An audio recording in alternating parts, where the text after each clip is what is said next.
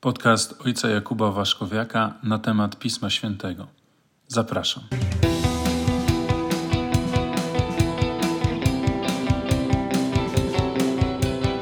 Szczęść Boże. W Ewangelii Marka mm, na początku apostołowie wydaje się nie wiedzą za bardzo, kim jest Jezus.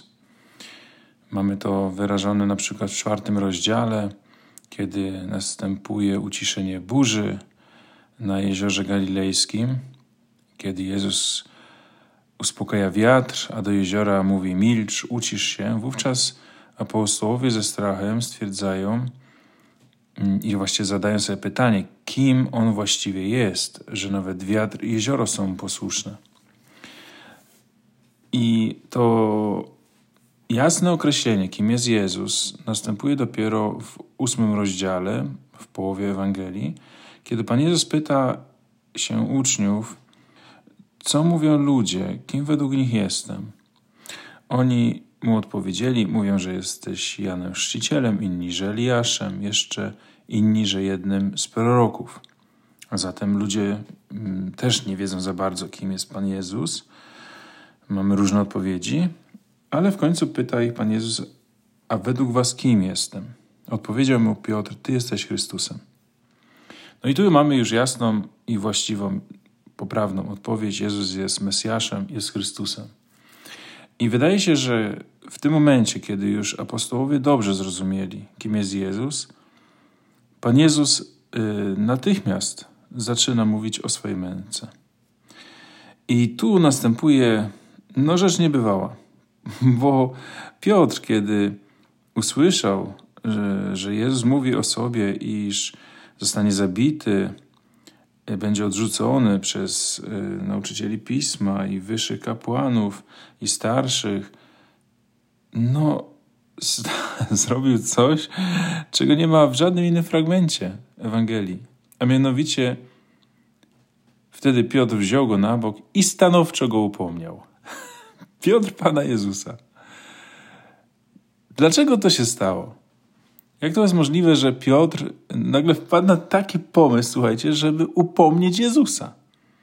Żeby zrozumieć reakcję Piotra, trzeba zrozumieć, jakiego rodzaju Mesjasza oczekiwali Żydzi. Wiemy, że Żydzi oczekiwali, i to wiemy z apokryfów, na przykład z pierwszego wieku przed Chrystusem, że Żydzi oczekiwali Królestwa Bożego tutaj na ziemi. I wiemy też, że ultraortodoksi, którzy dzisiaj żyją na przykład w dzielnicy Maasharim w Jerozolimie, oni do dzisiaj tak oczekują na państwo, można by tak nazwać teokratyczne, na Królestwo Boże tu na ziemi. Wieczne w tym sensie, że, że miało być to wieczne królestwo na takiej zasadzie, że na wieki mieliby stąd być pognani poganie, a oni by mieli oddawać cześć Bogu w świątyni jerozolimskiej. Mesjasz, Mashiach, namaszczony, y, oznacza przede wszystkim króla, oczywiście też kapłana i proroka, ale nade wszystko władcę, nowego władcę i na takiego oczekiwali Żydzi. No i nie oszukujmy się, y, Piotr, który był Żydem, nie miał innych oczekiwań. On również oczekiwał, że władze religijne w Jerozolimie uznają Jezusa jako Mesjasza, no i wtedy Piotr, wiecie, no po prostu Pan tak chciał, będzie miał dobrą posadę. A tymczasem Jezus mu, słuchajcie, to wszystko w jeden dzień burzy. Wszystko się wali w ciągu jednej chwili. Cała ta wizja piękna przyszłości.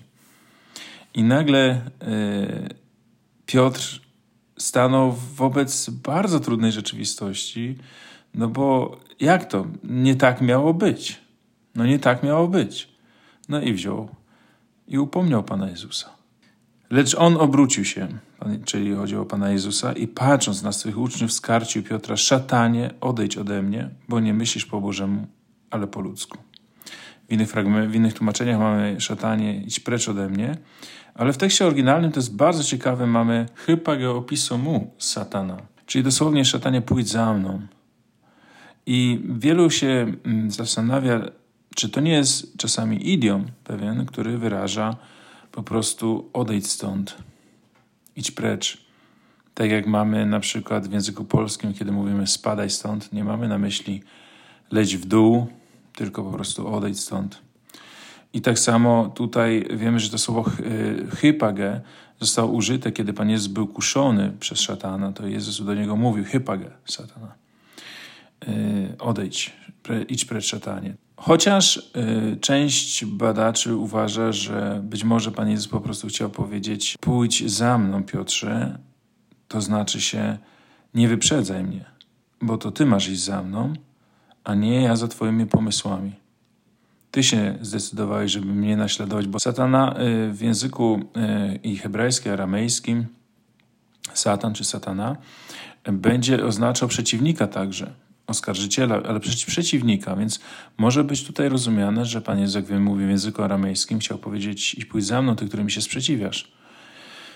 Tego nie wiemy, y, ale rzeczywiście Piotr tutaj wybiegł zupełnie ze swoimi planami, ze swoim myśleniem i Pan Jezus go surowo upomniał i nawet dodaje to, bo nie myślisz po Bożemu, ale po ludzku. Ty w swoich kategoriach to wszystko ująłeś, Piotrze. Nie bierzesz pod uwagę moich planów, a ty masz wziąć po to pod uwagę. To ty się zdecydowałeś, żeby mnie naśladować, a nie ja ciebie.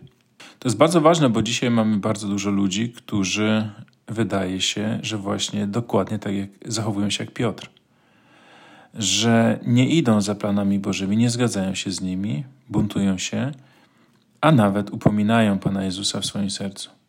Nie tak miało być. Nie tak miało być. I wiecie, to jest e, tak powszechne się wydaje dzisiaj, że ludzie nie chcą zaufać Bogu, dlatego że nie wierzą mu, że Bóg może przynieść człowiekowi szczęście. Człowiek wyobraża sobie swoje szczęście i za tym wyobrażeniem często idzie. No i często jest zawiedziony. Pan Bóg domaga się zaufania. Wiemy, że wiara w Piśmie Świętym to się równa zaufanie. I tak już mamy te najbardziej znane postacie biblijne, jak Abraham, i poprzez wszystkie inne, które mamy i w Starym Testamencie, i w Nowym Testamencie, aż do Maryi, wszystkie te postacie wyróżniały się tym, że ufały Bogu. Jak Abraham właśnie zaufał Bogu, że był zdolny poświęcić najbardziej ukochany skarb, jego jedyne dziecko w ofierze Bogu, tak e, ta historia, jak wiemy, się kończy takim no, amerykańskim happy endem, bo w ostatniej chwili zostaje to dziecko ocalone, Izaak. Tak Maryja już tego szczęścia nie miała, ponieważ na oczach Maryi umiera jej dziecko. Jezus umiera na krzyżu. I, y, ale żadna z tych postaci nie odwraca się od Boga pomimo tego, że doświadczają cierpienia. I być może Pan Bóg przez te postacie chce nam powiedzieć, właśnie przez tą też sytuację związaną ze świętym Piotrem, chce nam powiedzieć, abyśmy nie popełniali tego samego błędu, abyśmy próbowali jednak czynić ten wysiłek zaufania Bogu. Jest to dla każdego człowieka trudne, bo to jest wejście jak w ciemny tunel.